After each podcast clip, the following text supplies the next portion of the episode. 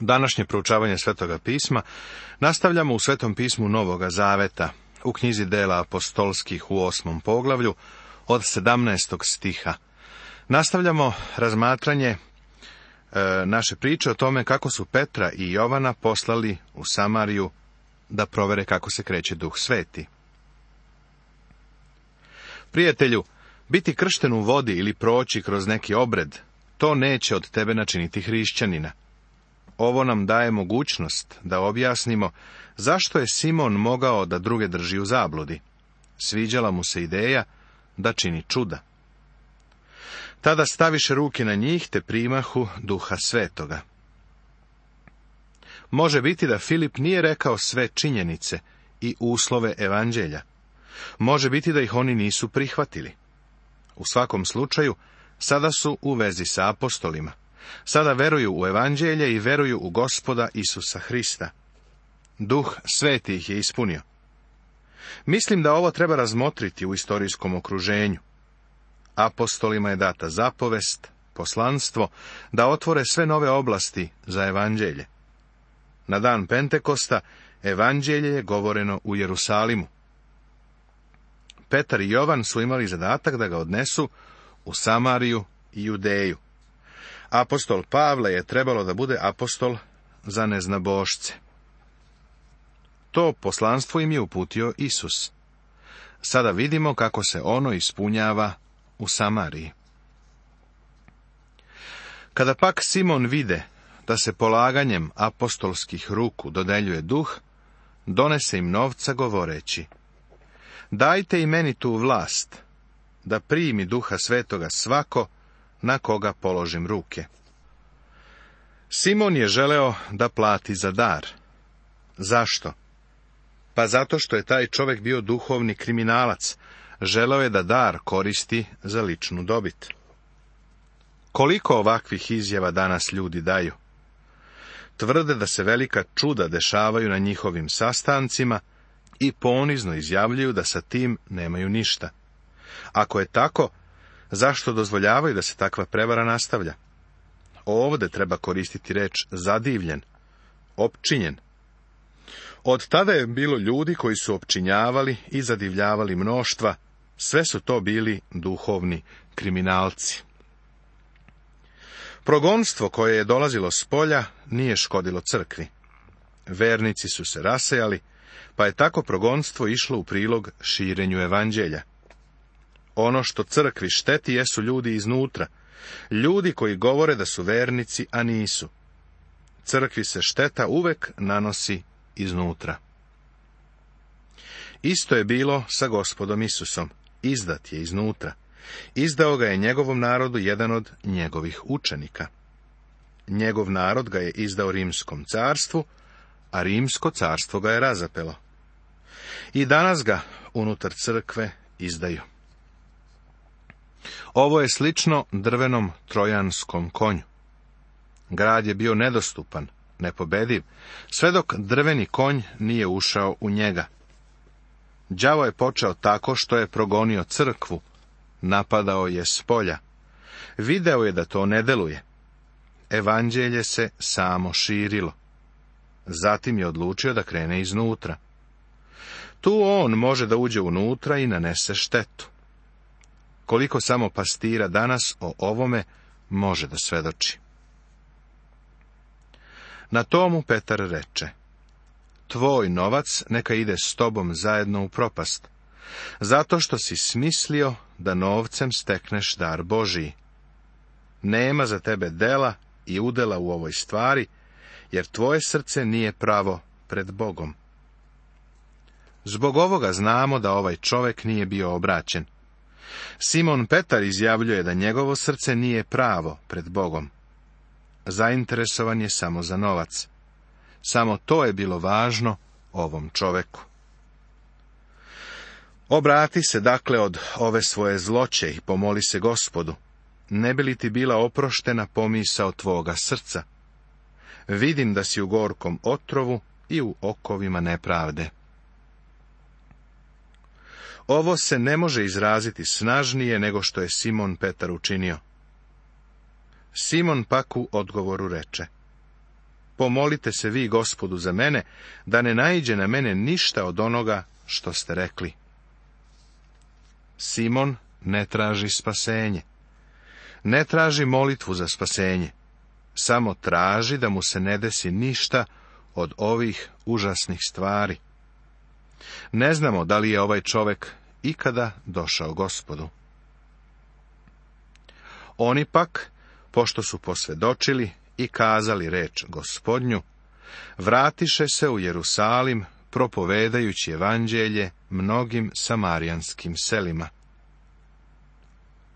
Evanđelje započinje svoj put ka krajevima zemlje. Počelo je u Jerusalimu. Tamo su bili apostoli i crkva je ustanovljena. Uskoro će se sedište premestiti u Antiohiju. Zatim će se premestiti u Efes, kasnije u Aleksandriju, pa u Rim. Ne mislim da postoji ikakav poseban crkveni centar. Evanđelje se proširilo do krajeva zemlje. Verujem da je radio jedan od najboljih načina da se proširi evanđelje. Kroz ova tehnička sredstva crkva može postići ono što se nije postiglo još od prvog veka, kada je evanđelje prodrlo u celokupan poznati svet. Filip i Etiopljanin U poglavljima 8, 9 i 10 nalazimo izveštaj o tri izvanredna slučaja obraćenja. Mislim da su ova tri slučaja istaknuta i da su nam data radi posebnog nauka. Osmo poglavlje govori o obraćenju etiopskog evnuha, Hamovog sina. Poglavlje deveto govori o obraćenju Savla, Simovog sina. Deseto poglavlje nam govori o obraćenju Kornelija, rimskog kapetana, Jafetovog sina. Sećaš se da je ceo ljudski rod podeljen u ove tri kategorije. Bila je to etnološka i geografska podela načinjena nakon potopa. Ham, Sim i Jafet su bili Nojevi sinovi. Ovde tako vidimo da evanđelje doseže predstavnike sve tri kategorije ljudskog roda. Također ćeš u ovim primjerima zapaziti da se u obraćenju tri faktora dovode u fokus pre nego što se uopšte dođe do obraćenja. Sva tri su očigledna u ova tri predstavnika obraćenja. Prvi faktor. Delo Svetoga Duha. Duh je odveo Filipa u Samariju, gde je bilo silno kretanje Božjega duha. Zatim ga je Sveti Duh odveo u Gazu. Tu ponovo vidimo njegovo kretanje u srcu etiopskog evnuha. Duh Božiji je išao ispred da pripremi srce, kao i da pripremi glasnika. Voćstvo Svetoga Duha je od apsolutno suštinske važnosti. Bojim se da se veoma mnogo pojedinačnog rada obavlja na slučajan način i bez voćstva Svetog Duha. Verujem da naš rad treba da bude apsolutno predmet molitve, pre nego što išta preduzmemo i ikome govorimo. O osobi sa kojom želimo da razgovaramo o gospodu, prvo treba da govorimo sa gospodom. Nije prosto reč o tome da nam je potrebno da nas sveti duh vodi. Ono što nam je potrebno jeste da duh sveti ide ispred nas i priprema nam put, a zatim nas poziva tamo gde je on. Želimo da idemo tamo gde se duh Božiji kreće.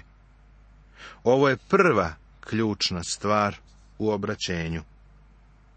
Vidimo da ona postoji u obraćenju etiopskog evnuha, Savla i Kornelija.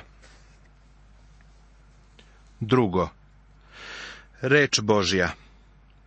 Vera dakle potiče od propovedi, a propoved biva Hristovom rečju, kaže 17. stih 10. poglavlja poslanice Rimljanima. Reč Božja je druga ključna stvar. Duh sveti će ono što je Hristovo uzeti i otkriti pojedincu. Duh sveti koristi Božju reč ali samo trenutak, mora postojati i čovek kao sud, odnosno instrument. Treće. Čovek Božiji. Duh sveti upotrebljava Božijeg čoveka koji govori Božiju reč, da bi se neko obratio Bogu i postao Božije dete, na novorođeno. Ovo ćemo vidjeti u izveštaju o obraćenju ovog etiopskog evnuha. Drugi deo osmog poglavlja odvodi nas u drugi deo Filipove službe. Evanđelje je otišlo u Samariju i tu je bilo mnogo iskrenih vernika. Ali vidimo da je u Samariji u crkvu ušlo i zlo, i to u vidu Simona Vračara. E sada, za razliku od Simona Vračara, dolazimo do Filipovog iskustva sa Evnuhom iz Etiopije. Filip je ovog čoveka vodio do Hrista, pa je Evnuh postao iskreni vernik, divan Božiji čovek. Anđeo gospodnji reče Filipu, ustani i idi prema jugu na put koji se spušta od Jerusalima u Gazu. Taj put je pust. Samarija je oblast severno od Jerusalima. Filipu je kazano da ide na jug. Put za gazu se nalazi južno preko puta Mediterana. Bio je to trgovački put za Egipat i Etiopiju. On bi verovatno putovao preko Jerusalima, da tamo stigne. Filip je veliko mnoštvo ljudi govorio o Samariji, a sada je poslat u pustinju. Treba da ode sa mesta gde se sveti duh silno kreće i da ode tamo u pustinju gde nema nikoga.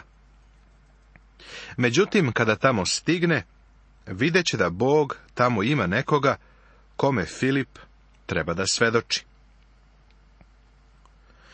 Tako usta i ode.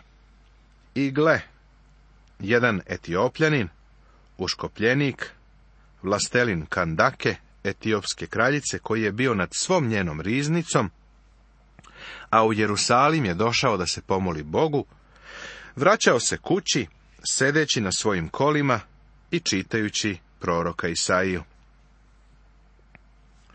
Ovdje čitamo o čoveku iz Etiopije koji je upravljao riznicom etiopske kraljice.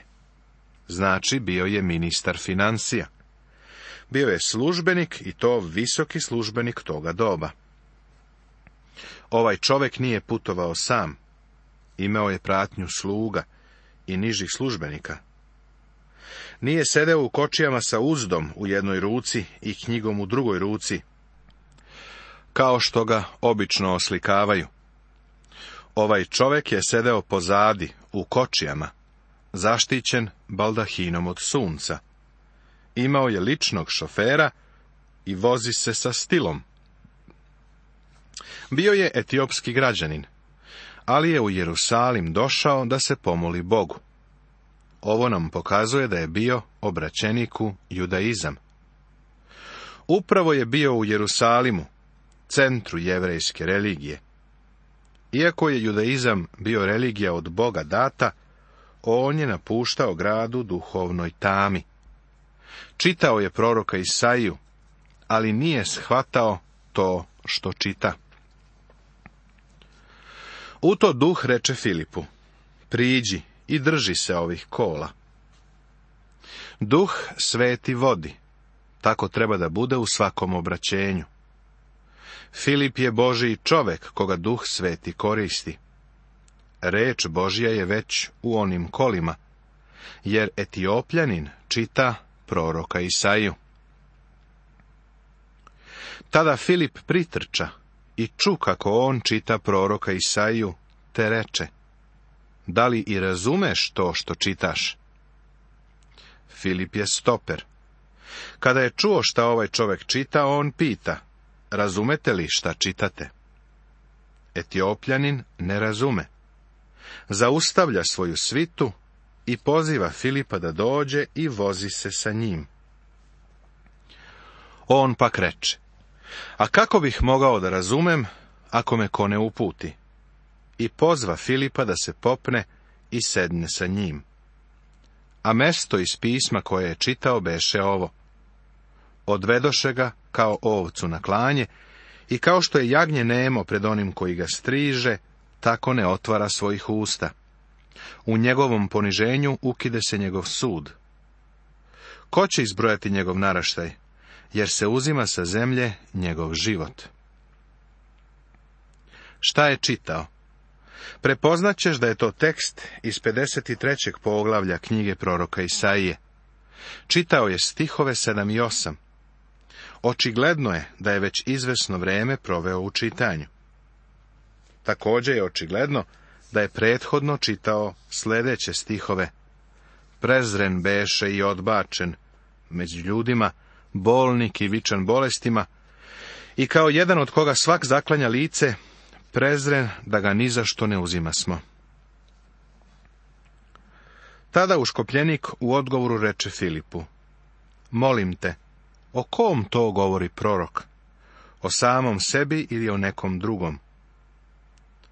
Na to Filip otvori svoja usta i počevši od ovoga mesta pisma, propovedi mu evanđelje o Isusu. Duh sveti će upotrebiti Božju reč. Ne verujem da se ljudi mogu obratiti Bogu dok slušaju pesmu. Pesma može da utiče na čoveka emotivno i da deluje tako da čovek donese odluku za Hrista. Međutim, ako u njoj nije Božja reč, nema pravog obraćenja. Obraćenje zahteva Božju reč. To je tako važno. Simon Petar, koga je Bog divno upotrebio za obraćenje mnoštva naroda, vrlo jasno govori o tome da reč Božja mora biti prisutna kada se čovjek spasava. U svojoj prvoj poslanici je napisao Jer niste preporođeni propadljivim semenom nego nepropadljivim, živom i postojanom rečju Božjom. Jer je svaka plot kao trava i sva njena slava kao cvet trave. Trava se osuši i cvet otpade, ali reč gospodnja ostaje do veka. A to je reč koja vam je kao evanđelje objavljena. Kada Božji duh koristi Božju reč, šta će se desiti? A kad su putujući došli do neke vode, uškopljenik reče, evo vode, šta mi smeta da se krstim? Filip pak reče, ako veruješ od sveg srca, može. On odgovori reče, verujem da je Isus Hristos, sin Božiji. Seti se da je Filip imao iskustvo sa Simonom Vračarom u Samariji. To više neće ponoviti. Kada je ovaj čovek tražio vodu da se krsti, Filip je želeo da bude siguran da čovek veruje celim srcem. I zapovedi da stanu kola, te obojica siđoše u vodu, Filip i uškopljenik, i krsti ga. A kad iziđoše iz vode, duh gospodnji uze Filipa i uškopljenik ga više ne vide. Putovao je dalje svojim putem, radojući se. Filip nestaje sa stranica pisma ovde više nije potreban. Etiopljanin, jašući u kolima, odlazi sa stranica pisma. Otišao je svojim putem radujući se. Šta je bilo sa tim čovekom? Znate, prva velika crkva nije bila ni u Europi, ni u Americi, ni u Jerusalimu. Prva velika crkva je bila u Severnoj Africi. Etiopljanin se očigledno vratio i kroz svoje svedočanstvo pokrenuo crkvu. Biće vrlo korisno ako pročitaš o prvoj crkvi u Severnoj Africi. A šta je sa Filipom? A Filip se nađe u Azotu, a zatim, prolazeći, propovedaše evanđelje svim gradovima, dok ne dođe u Kesariju. Azot je Ašdod, tamo na putu za Gazu. Da bi došao u Kesariju, morao je da prođe kroz Jopu. Danas je tamo Tel Aviv. Tako je on otišao, propovedajući evanđelje duž obale sve do Kesarije. Evanđelje se proširilo u Judeju, Samariju i sada ide dalje. Evnoh ga nosi sa sobom u Etiopiju, a Filip ga pronosi obalom do Kesarije. Poštovani slušaoci, ovim smo završili osmo poglavlje dela apostolskih. U našem narednom programu nastavljamo sa razmatranjem devetog poglavlja dela apostolskih Svetoga pisma Novog Zareta.